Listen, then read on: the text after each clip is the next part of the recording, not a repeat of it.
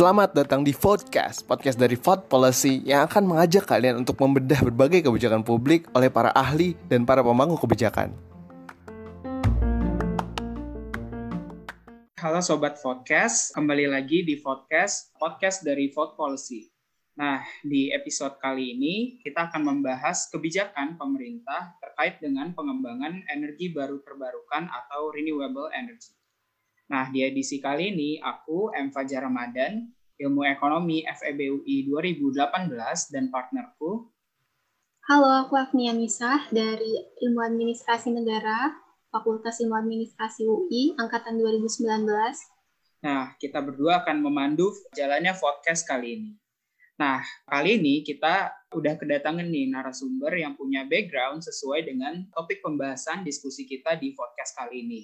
Nah, sudah bergabung bersama kita Kak Gary Julian. Nah, Kak Gary ini merupakan lulusan FTUI, jurusan Teknik Mesin tahun 2012. Lalu uh, ia melanjutkan studi S2-nya dan dapat gelar Master of Science pada bidang Sustainable Energy Technology di Delft University of Technology di Belanda. Nah, saat ini Kak Gary juga bekerja sebagai project manager di Aquo Energy dan sebelumnya uh, pernah juga menjadi researcher pada Solar Energy Application Center. Nah, kepada Kak Gary, selamat datang Kak di podcast. Halo, terima kasih. Selamat malam semua. Halo Ya, Kak. malam, Kak. Nah, uh, apa kabar nih Kak uh, di tengah kesibukannya menjalani WFH ya Kak?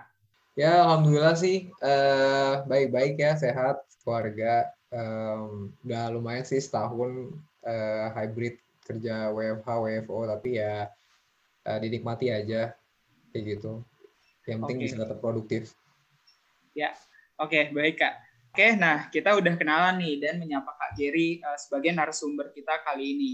Nah, jadi kita akan langsung aja nih berdiskusi terkait topik kita kali ini, yaitu terkait program Surya Nusantara, kebijakan di bidang energi baru terbarukan sebagai strategi Green Economic Recovery.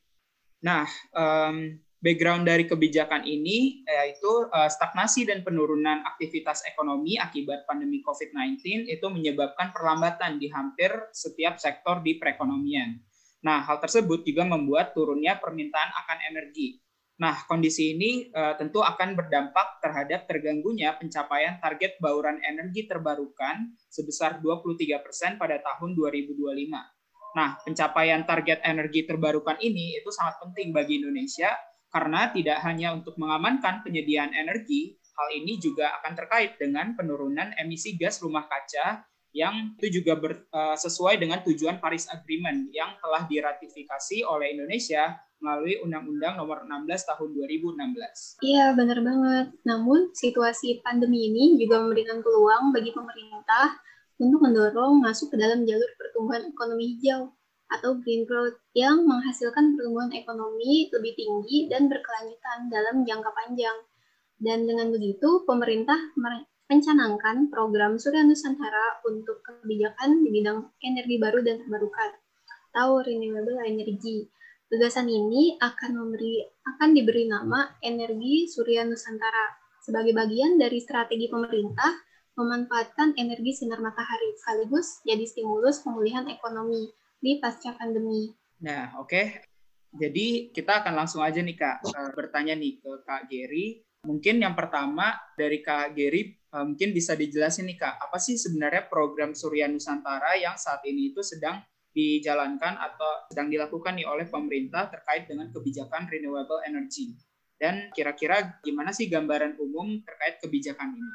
Ya, eh, oke, terima kasih sebelumnya. Ya, jadi eh, betul banget. Jadi memang kira-kira pada akhir tahun lalu ya, eh, di mungkin sekitar eh, Agustus September 2020 dari eh, Dirjen BTKI Kementerian SDM Republik Indonesia itu eh, mengeluarkan gagasan eh, yang diberi nama program Surya Nusantara. Sebenarnya ini program yang eh, yang dicetuskan berdasarkan rekomendasi dari eh, Institute for Essential Service Reform atau IESR, eh, di mana dari kajian-kajian yang telah dilakukan itu eh, dicetuskan bahwa program Surya Nusantara ini dimaksudkan untuk membangun pembangkit listrik tenaga surya, surya di bangunan atap rumah yang ditargetkan sebesar 1 gigawatt. Jadi uh, uh, PLTS ini atau pembangkit listrik tenaga surya ini sebenarnya ditargetkan untuk dipasang secara uh, komunal ataupun massal seperti itu. Jadi masing-masing rumah itu akan dipasang sekitar satu setengah sampai 2 kilowatt. Nah, rencananya memang target dari rumah-rumah yang akan dipasangkan PLTS atap ini Eh, itu adalah rumah-rumah dari masyarakat miskin atau rentan miskin. Nah, jadinya memang di sini ada ada hubungan antara pengembalian uh, ini ya apa recovery ekonomi dari masyarakat yang mungkin terdampak akibat pandemi uh, dan juga untuk mencapai uh, target bauran energi terbarukan uh, Indonesia itu di tahun 2000, 2025 sebesar 23 persen. Nah, untuk PLTS-nya sendiri memang ini secara uh, secara gambar umum adalah panel surya ya. Jadi uh, adalah panel surya yang di, diintegrasikan kepada jaringan uh, listrik kita yang sekarang sudah ada ke PLN seperti itu. Jadi nantinya listrik yang dihasilkan oleh tenaga surya itu di siang hari dapat menghemat listrik uh, yang kita gunakan uh, di rumah dan sehingga mengurangkan uh, tagihan listrik ke PLN setiap bulannya seperti itu. Nah rencananya memang dari ide yang di, digagaskan ini ini murni menggunakan APBN ya uh, dan anggarannya juga lumayan besar yaitu sekitar 14 sampai 15 triliun rupiah seperti itu. Wah, uh, jadi uh, kita tahu banyak nih dari penjelasannya Kak Giri kurang lebih gambaran umum dari kebijakan program Surya Nusantara ini itu uh, seperti apa. Nah, tadi uh, dijelaskan bahwa uh, ditargetkan dipasangnya secara massal ya Kak. Uh, hmm. Lalu dari rumah ke rumah, uh, targetnya terutama masyarakat miskin dan ini juga uh, berhubungan sama recovery ekonomi dan uh, menggunakan PLTS uh, eh, panel surya yang diintegrasikan ke jaringan listrik sehingga bisa mengurangi tagihan listrik. Buat pendanaannya uh, sendiri tadi uh, menggunakan anggaran APBN ya kak? Iya. Kurang lebih 14 sampai 15 uh, triliun. Oke. Okay. Nah selanjutnya kak, kira-kira uh, dari apa yang udah kakak jelasin tadi, urgensi dan tujuan yang ingin dicapai oleh pemerintah dari kebijakan program Surya Nusantara ini itu apa sih kak? Iya, jadi uh, sebenarnya sih uh, urgensinya pasti kalau ini kan digagaskannya oleh Kementerian SDM ya, apalagi di Dirjen BTKE, yaitu untuk membantu pemerintah Indonesia untuk mencapai target uh, bauran energi terbarukan dan uh, baru dan terbarukan sebesar 23 persen di tahun 2025, di mana sebenarnya progresnya ini nih sampai sekarang nih sebenarnya masih mengkhawatirkan nih. Jadi mungkin udah pada tahu ya kita uh, sudah sebenarnya waktu itu Pak Presiden uh, Jokowi juga menandatangani Paris Agreement di mana kita berkomitmen dari Indonesia sendiri untuk mencapai tadi kan uh, dolar energi sebesar 23 persen di tahun 2025 di mana sekarang tuh uh, masih di bawah sekitar 20 persen dan kalau dilihat dari rencana umum uh, penyediaan tenaga listrik PLN ataupun dari uh, RUEN uh, rencana, rencana umum energi nasional kita sebenarnya itu miss targetnya selama dua tahun ke belakang gitu. Jadi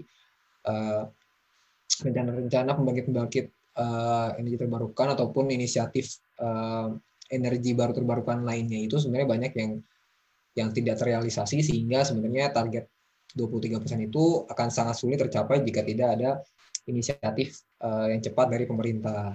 Nah, uh, untuk PLTS ini sendiri, kenapa bisa dibilang ini merupakan solusi yang sangat cepat dan juga bisa dibilang ekonomis? Karena memang uh, instalasinya ini uh, untuk membangkit listrik tenaga surya ini sangat mudah dan cepat ya, uh, di compare dengan uh, misalnya membangkit listrik tenaga geotermal atau air atau bayu uh, dan lain-lain itu sebenarnya relatif sangat-sangat cepat dan uh, target satu gigawatt selama setahun untuk dipasang di atap-atap rumah itu sebenarnya sangat realistis karena ini sudah terjadi di uh, di luar negeri ya. Mungkin kita tahu kalau seperti mungkin Banana atau Mas Ramadan yang yang, yang pernah uh, keluar negeri seperti itu. Jadi kita tahu kalau uh, apa namanya uh, di rumah-rumah di luar negeri itu masang uh, panel surya di atap itu sudah sangat common karena mereka tahu sebenarnya apa ya manfaatnya dari pemasangan uh, panel surya ini dapat satu mengurangkan tagihan listrik mereka, yang kedua juga dapat berkontribusi dalam mengurangi uh, emisi karbon seperti itu. Nah, yang kedua juga kita juga sudah melihat nih sebenarnya dan sebenarnya juga sudah tertinggal dari tetangga negara tetangga kita seperti Vietnam ataupun Malaysia di mana mereka di sana target satu gigawatt itu sebenarnya dalam setahun tuh bisa bisa banget gitu ter, ter, terrealisasi seperti itu dan itu sangat sangat sangat bisa menjadi quick win-nya untuk mencapai uh, apa namanya target si 23% ini seperti itu. Nah, arahnya sebenarnya uh, ke sana dan itu pun yang menjadi urgensi kenapa kayaknya harus menggunakan APBN supaya menstimulus apa namanya uh, tadi uh, penggunaan energi, energi yang, yang yang lebih green dan at the same time gitu ya untuk membantu juga recovery ekonomi dari uh, masyarakat yang kurang mampu seperti itu. Oke, okay, baik Kak. Ya, jadi memang harus uh, perlu inisiatif dari pemerintah lebih lanjut ya Kak. Oke, okay, selanjutnya Nah, uh, benar banget nih Afni. Nah, melihat uh, urgensi yang tadi uh, disebutin nih sama Kak Geri. Nah, tadi sebenarnya juga udah sempat disinggung nih sama Kak Geri terkait langkah-langkah uh, dan uh, progres nih yang sejauh ini itu udah dilakuin uh, sama pemerintah. Nah, uh, sebenarnya uh, spesifiknya untuk kebijakan program Surya Nusantara ini uh, udah sejauh apa sih Kak langkah-langkah uh, dan uh, progres yang udah di dilakukan oleh pemerintah gitu. Ya misalnya uh, pemasangannya itu sekarang uh, udah di mana aja dan uh, udah menyasar ke wilayah uh, mana aja gitu instalasinya. Ya, ya sebenarnya untuk uh, langkah-langkahnya dari pemerintah ya itu sebenarnya sekarang uh, masih dalam uh, bentuknya masih dalam bentuk ini sih sebenarnya kebijakan lah ya istilahnya untuk untuk program Surya Nusantara ini sebenarnya memang uh, apa ya progresnya uh, yang saya tahu sih masih belum banyak realisasinya ya ataupun belum ada realisasinya karena kan ini menggunakan APBN dan uh, sangat besar seperti itu ya uh, budgetnya.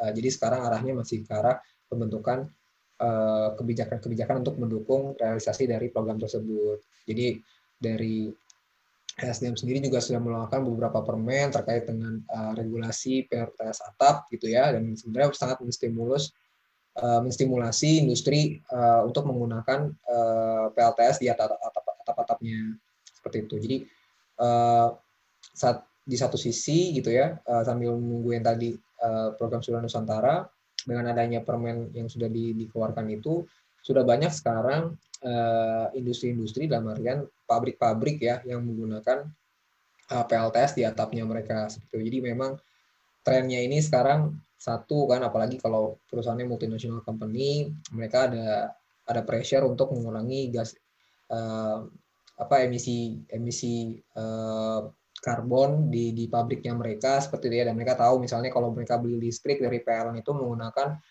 majority-nya itu masih menggunakan uh, listrik dari PLTU seperti itu jadi mereka ingin menggunakan PLTS sebagai uh, ya uh, apa pengurangan konsumsi energi fosil tadi. Kemudian juga yang kedua, eh, sebenarnya harga dari eh, harga biaya listrik dari PLTS ini sudah sangat bisa dibilang sudah lebih murah lah dibanding dengan eh, tarif listrik yang ditawarkan dari PLN ke industri tersebut. Karena kan mungkin kalau industri itu mereka dapatnya tarif yang premium ya, yang jauh lebih mahal daripada tarif kita yang kita pakai di rumah sekarang seperti itu. Nah di situ sebenarnya mereka mendapatkan dua manfaat juga. Satu tadi pertama mengurangi uh, emisi karbonnya mereka, karbon footprintnya berkurang dari pabriknya mereka, perusahaan mereka mendapatkan green label, bisa bisa dibilang seperti itu. Yang kedua mereka juga menghebat menghemat pengeluaran dari segi utilitasnya seperti itu.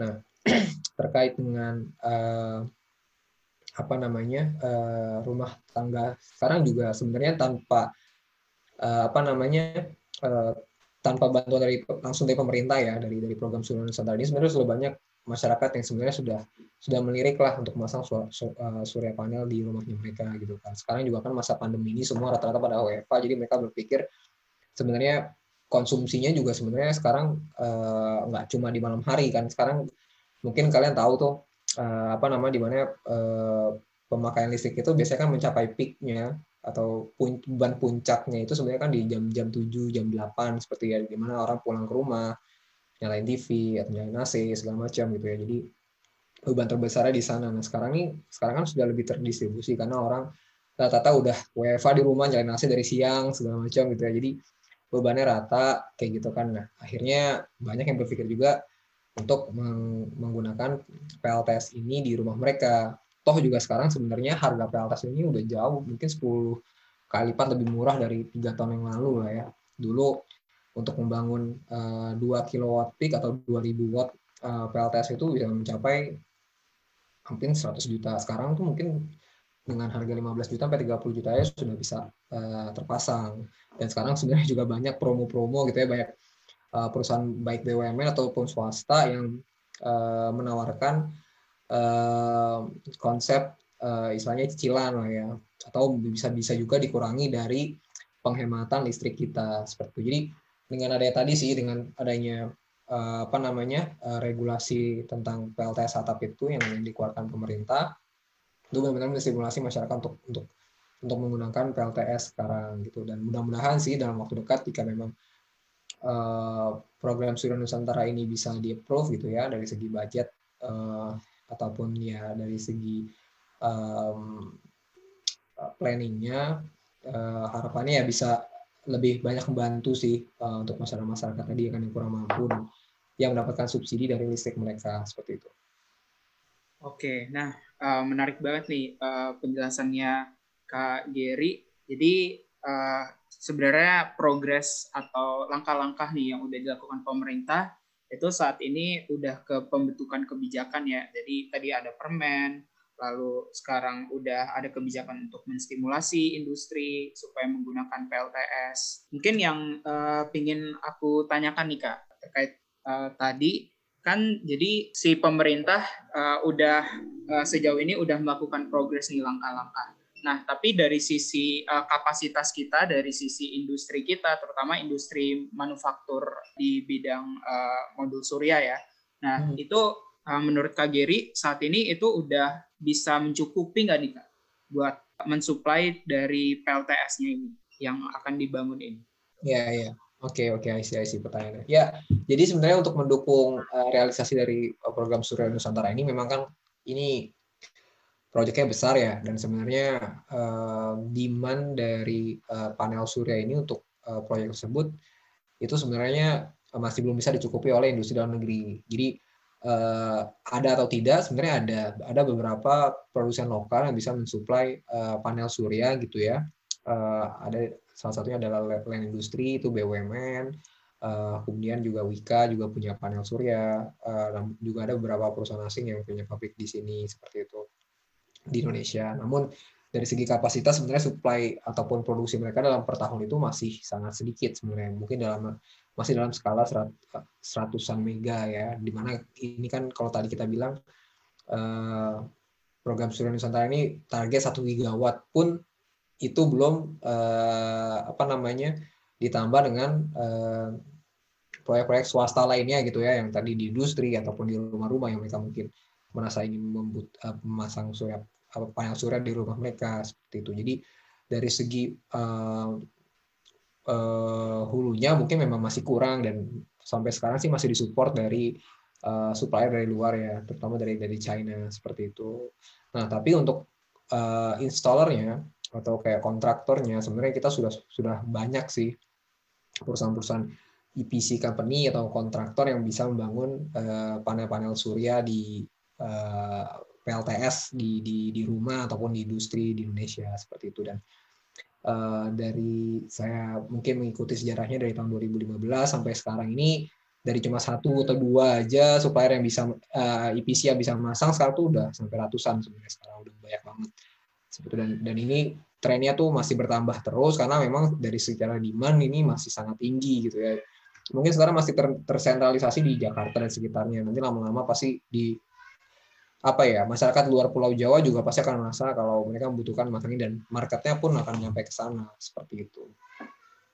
Oke, baik Kak. Uh, selanjutnya, aku mau tanya terkait dengan manfaat dan dampak, uh, baik itu positif ataupun negatif yang diperoleh atau dirasakan dari berbagai stakeholder seperti masyarakat ataupun swasta serta hmm. pemerintah itu sendiri dari uh, adanya kebijakan ini. Kira-kira apa ya kak?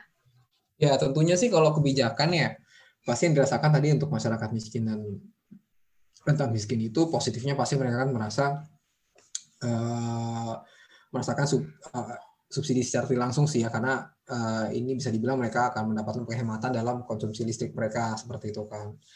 Uh, terus yang kedua pastinya kalau dari uh, segi pemerintah sendiri uh, akan bantu untuk mencapai target uh, EBT 23% di tahun 2025. Dari segi pemerintah juga kan dapat bisa mengurangi uh, subsidi listrik ya yang biasa yang selama ini diberikan ke PLN uh, seperti itu uh, dan yang mungkin ini sebenarnya lebih ke arah uh, tadi sih apa namanya pembentukan juga uh, mindset untuk seterusnya itu mungkin pelan-pelan nanti subsidi itu dicabut subsidi listriknya dan yang terakhir mungkin yang saya lihat adalah terciptanya lapangan kerja karena sekarang uh, trennya memang dari dari uh, dari apa namanya lapangan kerja ya di bidang fosil uh, mungkin di oil itu sudah sangat berkurang gitu kan. Jadi uh, tidak tidak se, se, setinggi sebelumnya seperti itu kan. Tambang juga tidak terlalu uh, tinggi dan sekarang sebenarnya trennya itu justru ya ini renewable energy job yang atau kita bilang green job ini yang lagi lagi lagi lagi apa meningkat dan nanti dengan adanya atau realisasinya dari program ini pastinya akan bentuk atau ya bentuk industri baru ya. Tadi yang mungkin tadinya supplier di Indonesia itu tidak bisa mencukupi kebutuhan uh, PLTS dalam setahun, nantinya akan uh, terbangun pabrik-pabrik di sini seperti itu ya, menciptakan lapangan kerja. Kemudian juga dari kontraktornya juga seperti itu dan dan mungkin istilahnya dari environmentnya sendiri, dari dari akademisi, kemudian dari researchersnya juga mungkin akan lebih trennya akan lebih ke arah sana gimana caranya kita bisa mengimplementasikan dan juga mengoptimasi misalnya dari operasional dari si PLTS itu sendiri. Nah, tapi ada sih memang beberapa dampak negatifnya. Kalau saya sendiri pun melihatnya itu sebenarnya uh, ya bisa bisa apa ya bisa bisa terjadi gitu ya. Yang pertama itu uh, ada wacana sebenarnya PLN ini uh, merasa terancam sebenarnya karena dengan adanya PLTS PLTS ini kan secara tidak langsung sebenarnya pelanggan mereka akan berkurang ya konsumsi listrik gitu kan yang sebenarnya jualannya mereka itu akan berkurang karena mereka eh, pelanggan mereka menggunakan PLTS sendiri di rumahnya baik yang uh, mendapatkan tadi lewat program Surya Nusantara ataupun yang pribadi itu yang menjadi uh, istilahnya trade bagi PLN dan sekarang PLN pun sudah menyuarakan itu ke ke, ke pemerintah karena kan PLN juga BUMN seperti itu. Nah, dari sana mungkin uh, ya ini perlukan mungkin dari PLN sendiri agar tetap survive gitu ya secara, secara perusahaan juga mungkin harus lebih berinovasi. Mungkin kan di sini trennya juga nggak lama lagi mobil juga mungkin mobil listrik 10 tahun lagi udah udah menjadi uh, apa ya pro, uh, alat kendaraan yang yang sangat common lah ya mungkin di di Indonesia gitu karena mungkin di negara-negara lain juga um, sudah banyak yang uh, istilahnya sudah ada regulasi sendiri untuk untuk untuk mobil listrik. Dan Indonesia sebagai salah satu negara uh, apa namanya uh, manufaktur kendaraan terbesar di dunia pasti akan mengikuti trennya gitu. Dan saya rasa jika kita bisa bang bisa apa namanya uh, ya me, me, me, meningkatkan tadi sih uh, ataupun istilahnya bisa beradaptasi dengan dengan dengan apa namanya ke ke tren-tren yang sekarang gitu ya, ya di dari segi manufaktur dari dari segi tadi kendaraannya. Jadi nanti PLN juga harus bisa lebih berinovasi untuk mencari bisnis-bisnis lainnya. Terus kemudian yang kedua mungkin yang saya rasakan itu sebenarnya dengan program Surya Nusantara ini ini mungkin memang harus uh, benar-benar diedukasi dari segi uh, penerima uh, programnya seperti itu tadi kan ada masyarakat miskin atau rentan miskin Nah, ini harus benar diedukasi nih. Ini kan soalnya sangat sulit ya untuk di dimonitor seperti itu kan. Ini mungkin seperti BLT dikasih. Terus kita nggak tahu nih sebenarnya sama mereka dipasang atau atau nanti sebenarnya dijual gitu kan. Ataupun kalau udah kepasang nanti sebenarnya bisa aja mereka jual ke marketplace gitu kan. Banyak mungkin masyarakat yang menengah ke atas yang mungkin lebih lebih perlu gitu kan mereka bisa beli panel lebih murah dari dari masyarakat masyarakat ini dan itu jadi nggak kena sebenarnya. Itu sih yang ditakutkan kalau menurut saya. Di sebenarnya memang harus diedukasi dulu masyarakatnya kalau uh, apa namanya program ini uh, akan akan dijalankan nantinya seperti itu. Oke baik kak. Jadi memang uh, ada beberapa hal yang harus diperhatikan lagi ya sama pemerintah. Mungkin terkait sama uh, ini juga bisa jadi ini ya kak solusi untuk membuka lapangan pekerjaan baru tapi di balik itu juga uh, ada beberapa yang menjadi PR bagi pemerintah contohnya kayak edukasi lagi untuk penerimanya uh, untuk meluruskan mindset bahwa energi ini uh, bisa menjadi solusi untuk mengurangi beberapa dampak uh, negatif dari adanya uh, dari yang ditimbulkan oleh penggunaan uh, emisi karbon itu sendiri. Oke selanjutnya. Oke jadi uh, tadi kita udah mendengar nih manfaat dan ya dampak ya dari kebijakan ini. Nah, mungkin perlu kita lihat atau perhatiin lagi dalam implementasi uh, kebijakan program Surya Nusantara ini itu mungkin terkait dari sisi financingnya atau pembiayaannya. Nah, tadi sudah sempat disinggung juga di awal uh, bahwa dari sisi pembiayaan, nah menurut Kementerian SDM program ini itu membutuhkan pembiayaan investasi yang mencapai kurang lebih 14 hingga 15 triliun rupiah. Nah, uh, menurut kakak nih, sebenarnya apa aja sih opsi pembiayaan yang mungkin bisa diambil nih atau bisa ditempuh oleh pemerintah untuk mengimplementasikan kebijakan ini ya selain mengandalkan anggaran dari APBN? Ya, uh, sebenarnya eh, ini topik yang menarik sih dari segi anggaran uh, karena memang sebenarnya akan sangat sulit kalau menurut saya approvalnya jika memang fully menggunakan APBN seperti itu, seperti itu ya dengan mungkin tadi apa namanya uh, constraint-constraint yang, yang yang sudah kita bicarakan dari dampak positif dan negatifnya seperti itu.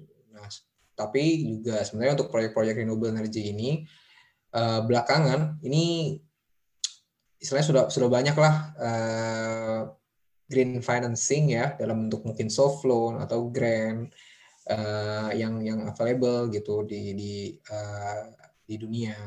Jadi memang trennya itu sekarang bank-bank itu mereka sudah hampir semuanya ya kecuali bank China Bank atau Korean Bank uh, untuk apa mereka mempunyai polusi untuk tidak mem, mem, mendanai lagi pro, uh, pembangkit listrik tenaga fosil terutama batu bara seperti itu. Jadi memang arahnya sekarang bank-bank ini sangat uh, apa ya membutuhkan proyek-proyek green energy seperti itu untuk untuk mendapatkan uh, untuk untuk menjadi portofolio mereka karena mereka pun seperti tadi industri-industri yang lainnya mereka juga punya target sebenarnya untuk berkontribusi dalam uh, perubahan apa namanya mengatasi uh, perubahan iklim ini seperti itu jadinya memang dari satu mungkin tadi dari grant seperti uh, lembaga seperti Green Climate Fund ataupun uh,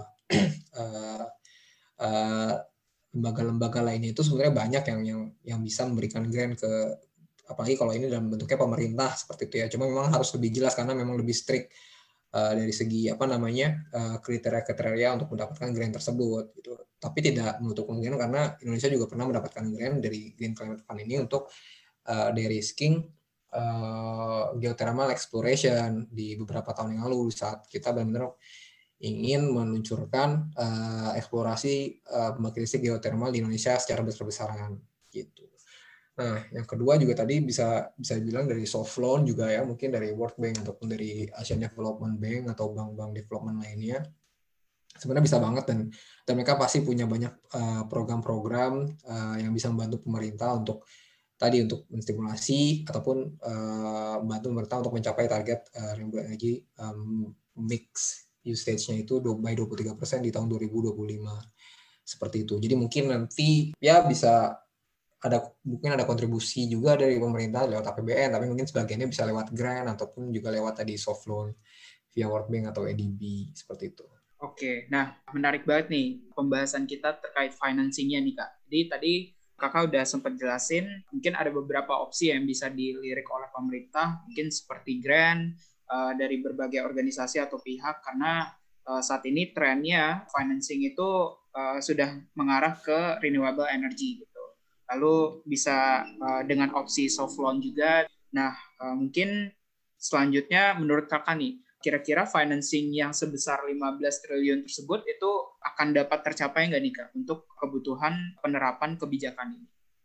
Uh, saya rasa sih bakal tercapai ya karena mungkin dibandingkan dengan uh, proyek infrastruktur lainnya sebenarnya ini nggak termasuk yang bukan yang termasuk yang terbesar lah ya bisa dibilang dan maksudnya masih uh, sih nanti masih achievable dengan tadi kombinasi beberapa pendanaan mungkin dari APBN ataupun dari dari uh, green financing yang lainnya seperti itu. Jadi uh, achievable cuma mungkin uh, tadi resikonya ataupun tujuannya mungkin benar akan dikaji dan akan di challenge lah ya.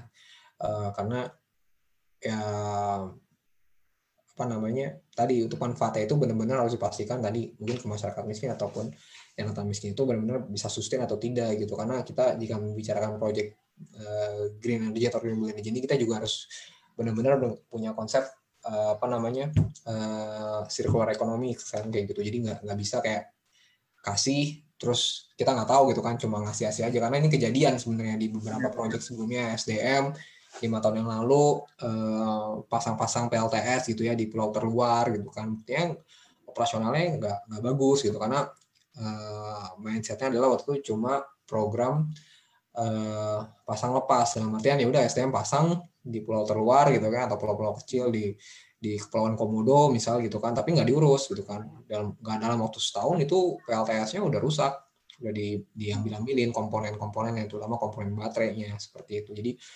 uh, yang yang saya harapin tadi itu sih apa namanya sebenarnya financing nggak nggak nggak jadi masalah utama tapi lebih karena tadi konsepnya sendiri itu harus dimatangkan sustainability-nya seperti apa itu untuk untuk nilai 15 triliunnya kalau menurut saya itu uh, ya sangat achievable lah untuk untuk apalagi untuk bisa mendapatkan uh, apa yang membantu mereka untuk menaikkan satu gigawatt ya uh, uh, energi terbarukan di dalam jaringan listrik Indonesia sendiri seperti itu. Uh, baik kak. Nah mungkin aku uh, tertarik membahas lebih lanjut terkait yang tadi nih kak. Jadi kan tadi uh, sempat disinggung bahwa dampak positif dari adanya uh, kebijakan ini itu terkait penyerapan tenaga kerja akan menyerap tenaga kerja nih di sektor ini gitu. Nah, menurut kajian dari IASR juga yang udah kita lihat bahwa katanya akan menyerap kurang lebih 30 ribu tenaga kerja baru nih. Nah, tapi mungkin balik lagi dari sisi supply uh, tenaga kerjanya, kira-kira saat ini di Indonesia udah tersedia belum sih Kak tenaga kerja yang uh, terampil gitu di bidang green ini gitu, terutama ya terkait dengan pengembangan PLTS skala besar ini. Ya, sekarang sebenarnya kalau dari uh, yang skillnya uh, saya bilang sudah banyak sih ya karena uh, teknologi surya PLTS ataupun renewable energy yang lain itu sebenarnya bukan rocket science ya. Jadi konsep ini sebenarnya sudah ada sejak lama seperti itu kan. Cuma memang uh, baru sangat-sangat dikembangkan di beberapa tahun terakhir, bisa dibilang 10-15 tahun terakhir seperti itu. Nah, untuk dari segi skill uh, apa namanya uh, workersnya sebenarnya dari, dari level uh, mungkin dari uh, uh, researcher atau mungkin juga dari dari skilled workers dari mungkin dari engineers uh, project management maupun dari technician ini sudah banyak seperti itu kita sudah bisa dibilang sudah ada beberapa proyek utilitas yang tinggi dan uh, dan dan sebenarnya beberapa sekolah yang saya tahu pun dari segi uh, D4 itu sudah mulai ada juga yang jurusan renewable energy yang khusus di di bidang PLTS ini seperti itu. Dan dari kurikulum-kurikulumnya pun sebenarnya renewable energy ini sudah masuk ke dalam kurikulum S1 um, uh, di, di, di bidang teknik-teknik ya, mungkin di teknik elektrik, uh, teknik teknik elektro atau teknik mesin itu sudah mulai dimasukkan ke dalam kurikulum dan tendensinya memang juga masyarakat ataupun mahasiswa-mahasiswa ini sekarang even yang yang mungkin uh, kuliahnya di di uh, teknik perminyakan atau di mana tuh banyaknya sebenarnya udah berpikir juga ini uh, masih sustain nggak nih perminyakan beberapa tahun ke depan. Jadi mereka sebenarnya saya juga ada beberapa teman teknik perminyakan yang sekarang kerjanya udah di, di renewable energy industri kayak gitu. Jadi uh, saya yakin sih kalau dari skillnya ini uh, sudah mulai kebentuk dan jika memang industrinya terus berkembang ya, saya pasti uh, saya rasa juga nanti uh, apa namanya pasti kita akan beradaptasi sih dan dan lebih menguatkan apa namanya uh, skill kita gitu ya terutama di bidang engineering itu ke arah sana seperti itu. Dari segi uh, project management lainnya ini juga bukan hal yang baru ya ini sebenarnya kan lebih ke arah sektor power ya konsep dari segi financing dan lain-lain sebenarnya sama seperti uh, industri power lainnya, modelnya rata non recourse project financing segala macam itu sudah sangat lumrah gitu kan. Terus juga PLN mungkin sekarang juga uh, harus beradaptasi karena biasanya membangun pembangkit sendiri sekarang udah harus biasanya lebih lebih apa ya misalnya lebih fokus ke jaringan dan untuk pembangkit biasanya uh, harus lebih rela uh, mengambil dari IPP independent power producer seperti itu. Oke baik uh, pertanyaan terakhir nih kak. Jadi dalam pelaksanaan kebijakan program Surya Nusantara ini, uh, menurut kakak apa sih yang menjadi tantangan serta hambatan yang dialami oleh pemerintah maupun stakeholder? Ya pertama sih kalau menurut saya yang paling uh, berat itu pasti dari anggaran sih, karena untuk apa namanya justifikasi untuk memberikan panel surya ini ke warga miskin atau rentan miskin ini pasti akan sulit diterima gitu kan. Dan tadi uh, berbicara dengan sustainability-nya itu pasti akan di-challenge habis-habisan seperti itu. Dan yang kedua sebenarnya lebih ke arah tadi uh, relevansi nanti dari PLN karena di dalam ini kan PLN di bawah Kementerian BUMN juga punya kepentingan di sana kan dengan artian jika pelanggan mereka ini diberikan solar solar panel berarti kan mereka akan mendapat apa akan uh, akan mengurangi tadi pendapatan mereka gitu kan.